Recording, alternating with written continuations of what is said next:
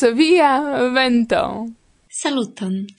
Eble vi memoras, che lasta tempe parolis mi pri la unua vita albumo de la duo Żele, kun la titolo Tra la sonĝoj. Felice al ni ciui la duo Żele daurigas kun laboron kun Vinil Kosmo, kaj dank al tio jus aperis la dua bit albumo. Kiel skribas Vinil Kosmo sur sia retpaĝo, la albumo kun la titolo Sento Kaoso – estis eldonita antaŭ dek jaroj kaj enhavas dek kantojn komponitajn de Lena. La temo de sento kaoso estas certe la tuta spektro de sentoj en homa vivo. La cantoj transdonas tiun diversecon perfekte. Sur unu disko trovos ni vivan ritmon, tangon kaj sentimentalain canzonoin. Surprizos vin ankaŭ instrumentaro, eĉ pli riĉa ol en la lasta albumo. Ĉifoje en multaj cantoi audus ni violoncelon. Ni auscultos la canton Nun liberas mi, sed antau tio carei flo cae gele. La tuta Varsovia vento salutas vin elkore cun sia auscultantaro. Dankon, ke vi felicigas nin cune. Parolis Kasia Ho.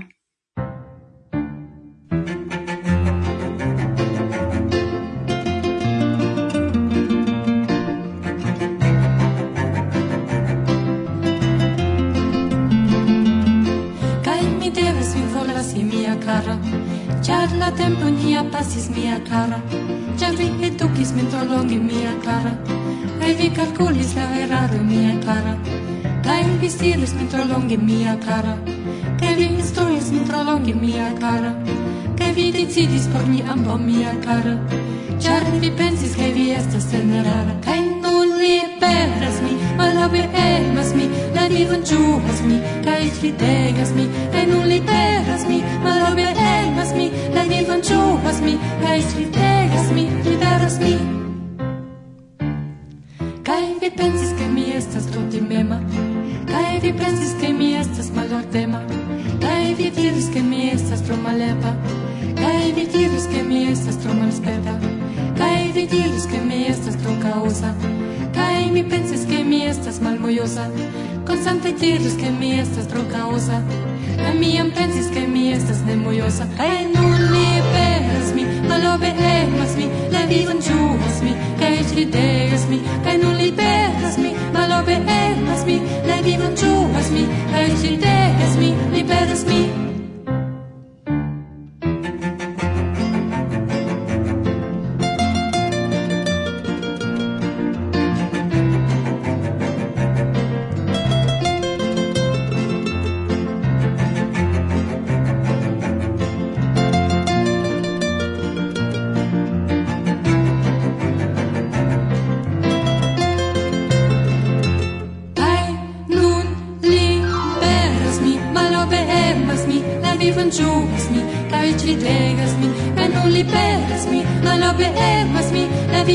povas min, kaj vi liberas. Saluton! Probable ankaŭ en via urbo troviĝas lokoj, kie oni povas lasi nebezonatajn librojn kaj inter la lasitaj trovi iun, kiun senpage vi rajtos preni. En Varsovio plej ofte temas pri lego kafejoj, sed ne nur. Tiuj lokoj funkcias same kiel senpagaj librejoj, kaj mi konas homojn, kiui regule visitas ilin por serci ion interesan kai ce la okazo lasi tralegitajn jam libroin por la aliai. Kial pri tio mi mencias? Char ciam alte mi sen pagandis disvastigon de la kulturo. Ne ciu ja havas monon. Monato, kiel viscias, estas eldonajo pri la mondaj novajoi, pri politico, ekonomio, scienco kai ne nur – kion en ciel sendo vi povas rekte audi de la ĉefredaktoro mem en la unua reklamo. Tiu, ne nur, estas ankaŭ poezio kaj prozo. Kaj kiel tio ligiĝas kun la lego kafejoj? No, ligiĝas. Laste, inter amasego de afiŝoj en Facebooko, mi rimarkis inviton de la monato redakcio al legado de aperigitaj surpaĝoj de la magazeno kulturaĵoj. El archivo de Monato senpage vi povos legi exemple novelon La Secreto kaj romanon Paradiso Stelita pri sorto de la lastaj aborigenoj sur la australia insulo Tasmanio. Tre placas al mi la iniciato, la liberigitai de monoculturajoi. Ancau, char la politico, scienzo cae tecnico shangigas, sed literaturo ciam aktualas. Kaj bone estas, bonege ec, che post iama publikigo nun ĝi ricevas la duan vivon kaj senpage. Dankon! Ligiloj ale la secreto kaj paradizo stelita en la priskribo. Kaj nun permesu al mi iom claci pri la marta eldono de monato. Kompreneble kiel ciam unue varbis mian atenton la cefa titolo de la covrilo, revivigo indiĝenaj lingvoin en Venezuelo. Venezuelo. Iam almenau lau mia scio, comunisma paradiso de la dudekunua jarcento en Suda Americo, kiu post morto de presidento Hugo Chavez en 2013, comencis fali en pli kaj pli profundan ekonomian krizon. Kaj tion, krom diversaj televidaj bildoj pri imigrantoj kaj surstrataj protestoj, generale pri la lando mi sciis.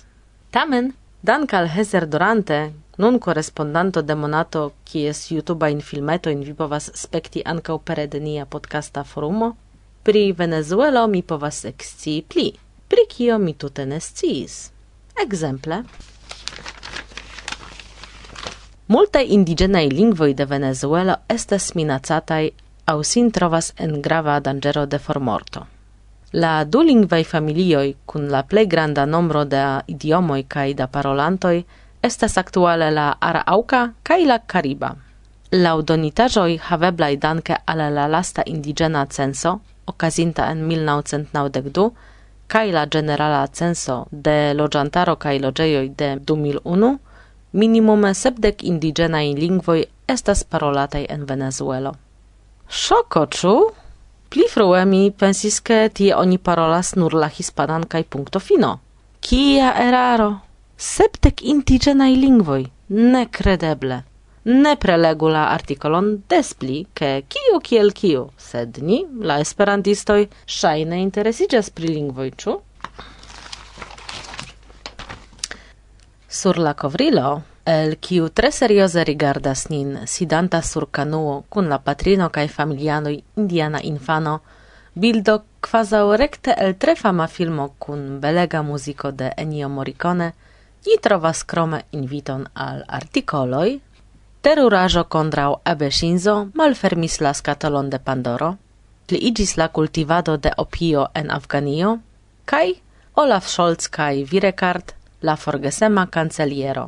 Eble mi surprizigos vin, ke dankal monato ne nur mia lingvokono gajnas enorme, sed ankaŭ scio pri interesaĵoj el la tuta mondo. Exemple, el la articolo verkita de Evgeni Georgiev, correspondanto de Monato en Austrio, mi exciis che la ricolto de opio en Afganio en 2022 estis la plej profitdona de kelkaj jaroj. La cultivado pligrandigis je prescau unu triono kaj la prezoi crescis sen depende de tio, ke la lando estas scuata de humanitara kaj ekonomia crisoi. Hmm. Ču vi sciis, ke oni provizas per afganaj opioidoj ĉirkaŭ okdek procentoj de la konsumantoj en la mondo?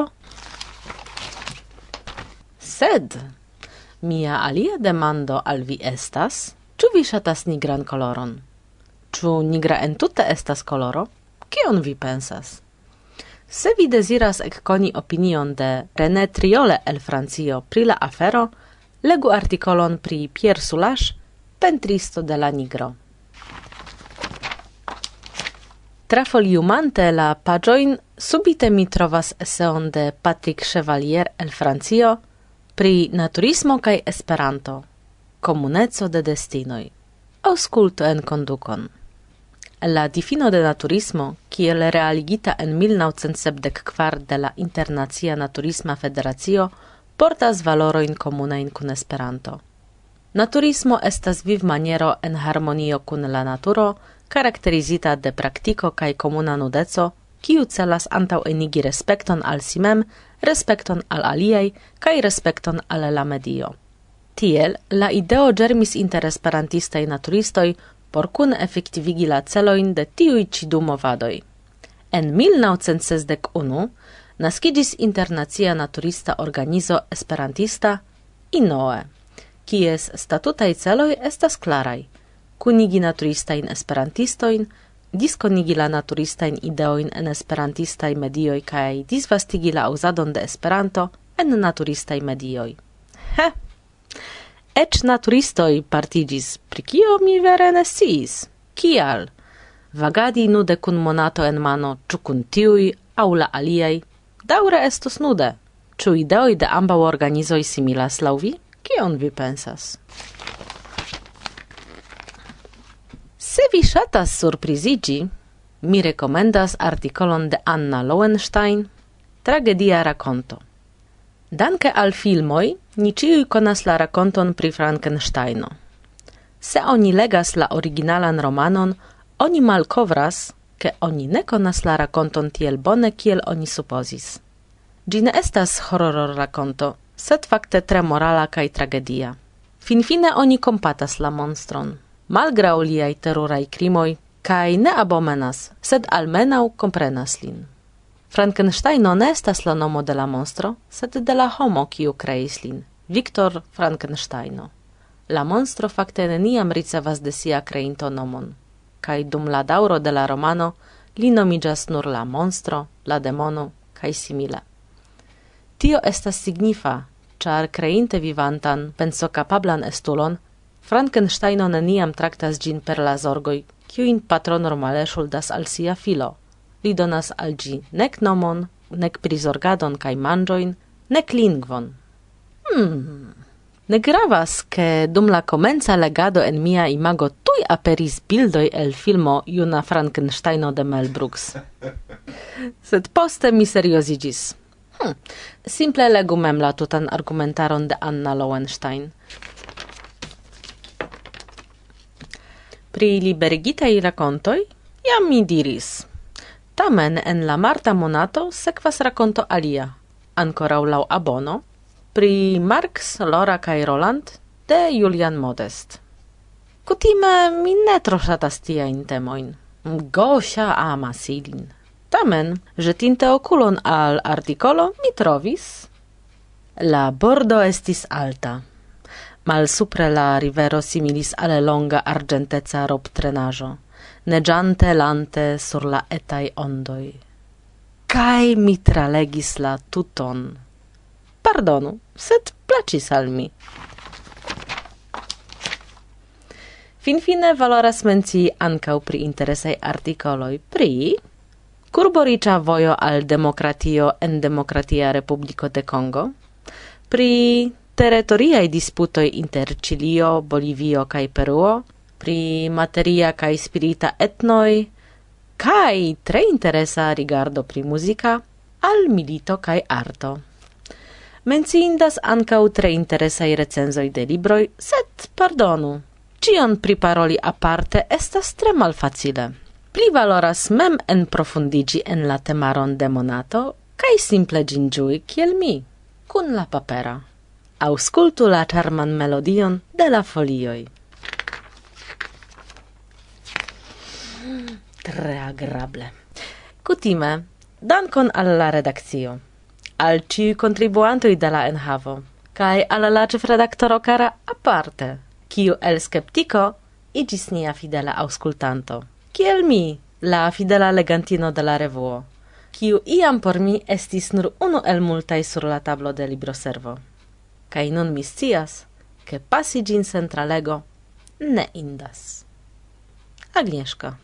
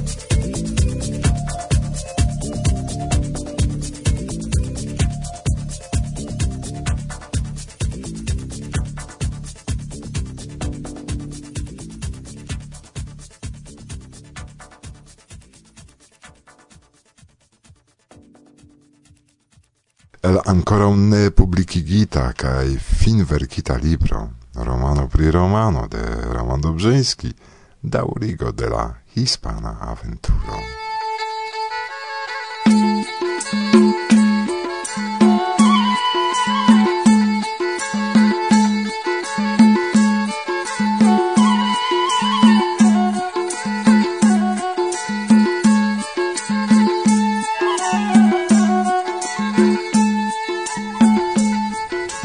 Tratado de Hispanio 1964 Saluton Barcelona La dudek sepan de julio 1964 mi nocte atingas Barcelonon kaj trovas junular gastejon. Mankas lokoj ec entendoj. Gastej estro kompatas min kaj provas pusi sub la tendon faldeblan liton – sed ne eblas casi gin la tutan. Mi endormigas duon corpe sub flagrantae steloi de la hispana cielo. La scoteron mi parcumis sub la large pranza arbo. Matene mi trovas mian vespon terrure malpurigitan. Birdai fecasoi. O ne, tion faris falintai tromature figoi. Figuio estis por mi tute neconata jen unu horo perdita por lavi la bedaurindan skoteron. El oficejo de la junulara gastejo mi telefonas al Salvador Aragay. Li venas post duono da horo. Mi racontas la historion pri la vizo en Parizo. Salvador rezonas tiel. Eble la ministro pri eksterlandaj aferoj Miguel Castilla obeis la peton de sia profesoro Miguel Sancho Izquierdo attribui al vi la vizon, set la polizo, competenta pri tiu ce afero, solvis la problemon la sia volo. Turismo jes, congreso ne. Versaine oni timis che vi faros dum la congreso malzustan propagandon. Veturo al Zaragozo char la sekretariino de Hispana Esperanto Federacio maltrankviliĝis pri via malĉeesto en la kongreso.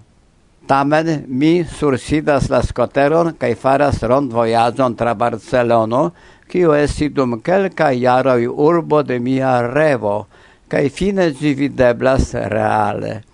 Kia plezuro admiri la kolonon de Cristoforo Columbo, kiu en Barcelono komence de la jaro 1493 finis sian unuan transatlantikan ekspedicion kaj renkontiĝis kun la reĝa paro Isabelo kaj Fernando. Ce la colono komenciĝas la plei bela strato de la Cataluna cefurbo, Las Ramblas. Ĝi conducas alla plazo de Catalunuio, considerata kiel la urbo centro. La stratoin occupas multai motorciclistoi. Interesas ilin fremda skotero kaj la signo POLO. Dum halto antau e semaforoj oni demandas ĉu mi estas Portugalo. Mi diras Polako. Oni duoble miras exciante che mia scotero estas pola produktazo cae nomigas osa, vespo, hispane avispa. Mirinda coincido. Mi vidas locoin motorcicloin OSSA. Tiu ce marco estas mallongigo de la loca fabric nomo en Barcelono. Mi veturas plu en la paseo de Gracia kai reconas obiectoin de Antoni Gaudí, la modern stila geniulo. Interesas min anca lia prezeo Sagrada Familia, Sancta Familio, mi gin trovas cae admiras gian frontan fasadon. Tiun ci mirindaĵon de Barcelono faris Gaudi antau sia tragica pereo pro tram accidento en la jaro 1926. Poste, politicae conflicto en Hispanio, la interna milito, cae ecrego de la militista dictaturo cesigis la construadon de la giganta entrepredo. Mi parcomas la scoteron, circa rigardas la presaion en iras internen, cae sen ilusiigas, nur silento cae malordo, nenio casas en la verco miracla, sed forgesita. Gian architecturan proiecton Gaudi neniam complete schizis, crome mancis conscio cae condicio por gia plua realigado. Malgrau tio, Sagrada Familia iĝis unu el simboloi de Barcelono. Esperanza sendis al mi bild carto con tiu ci mirindazo cae multaj aliei. Do Esperanza estis mia correspondantino de Barcelona dum ses jaroi. Mi veturas al Montjuic, kiu levizas super la mar haveno. Gia nomo aludas Jupiteron de la tempo de la romia epoco. Sed ec de la jaro 1929 kiam en Barcelono gastis la monda expozicio, tiu supraso farisis parco de riposo cae distro cun museoi, galerioi, cae magia fontano de sono cae lumo. El tiu ci loco videblas grandiosa panoramo, la urba surfaso suprenigas quincent metroin de la maro gis la monto Tibidabo, sur kiu trovigas parco de attracciajoi mi contemple zuas la culfrapan vidintazon cae orgoile constatas che mi multe siis pri Barcelono anta ole reale zine gvidis. Suficias, mi devas veturi al Zaragozo cae ne sias kiel la sorto de segnos itineron de mia malcovrado de Hispanio. Ciu case, i la fino de mia estado en la lando de mia revo, mi devos ancora foie visiti Barcelonon kaj pli detale ĝin ekkoni.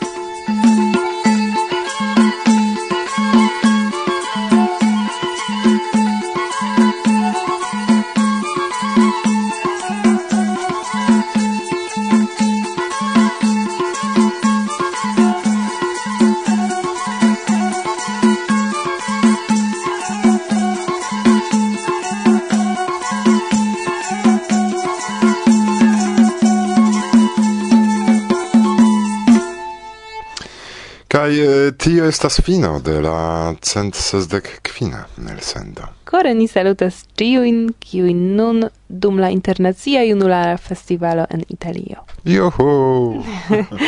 kaj dum psi en Germanio, kaj dum kongreso de Sat Amicaro en Francio. Ili ne havas tempon nun aŭskulti nin. Tion vi ne scias, kaj saluti ĉiam valoras. Jes, kompreneble vi pravas. Salutas ni do crome ciuin, ciuin ne dum la aranjoi menciitai, sed ie aine la mondo, ciu norde, sude, occidente au oriente. Mm, ancau bele. Char bela estas nia lingua cara, cae sen dube ciui niei auscultantoi. Sunon, sanon, cae humuron. Cae pacen. Oh, yes. Tion eble antau cio Mm, char vivanta i tranquille ni forgesas ke ne tie en la mondo estas same tranquille kiel ĉe ni. Ĝuste. Kaj familian paskon se intervi la kristanoj. Se ne, tion la plej bonan. Ĝis la baldaŭa reaŭdo, karaj. Dis!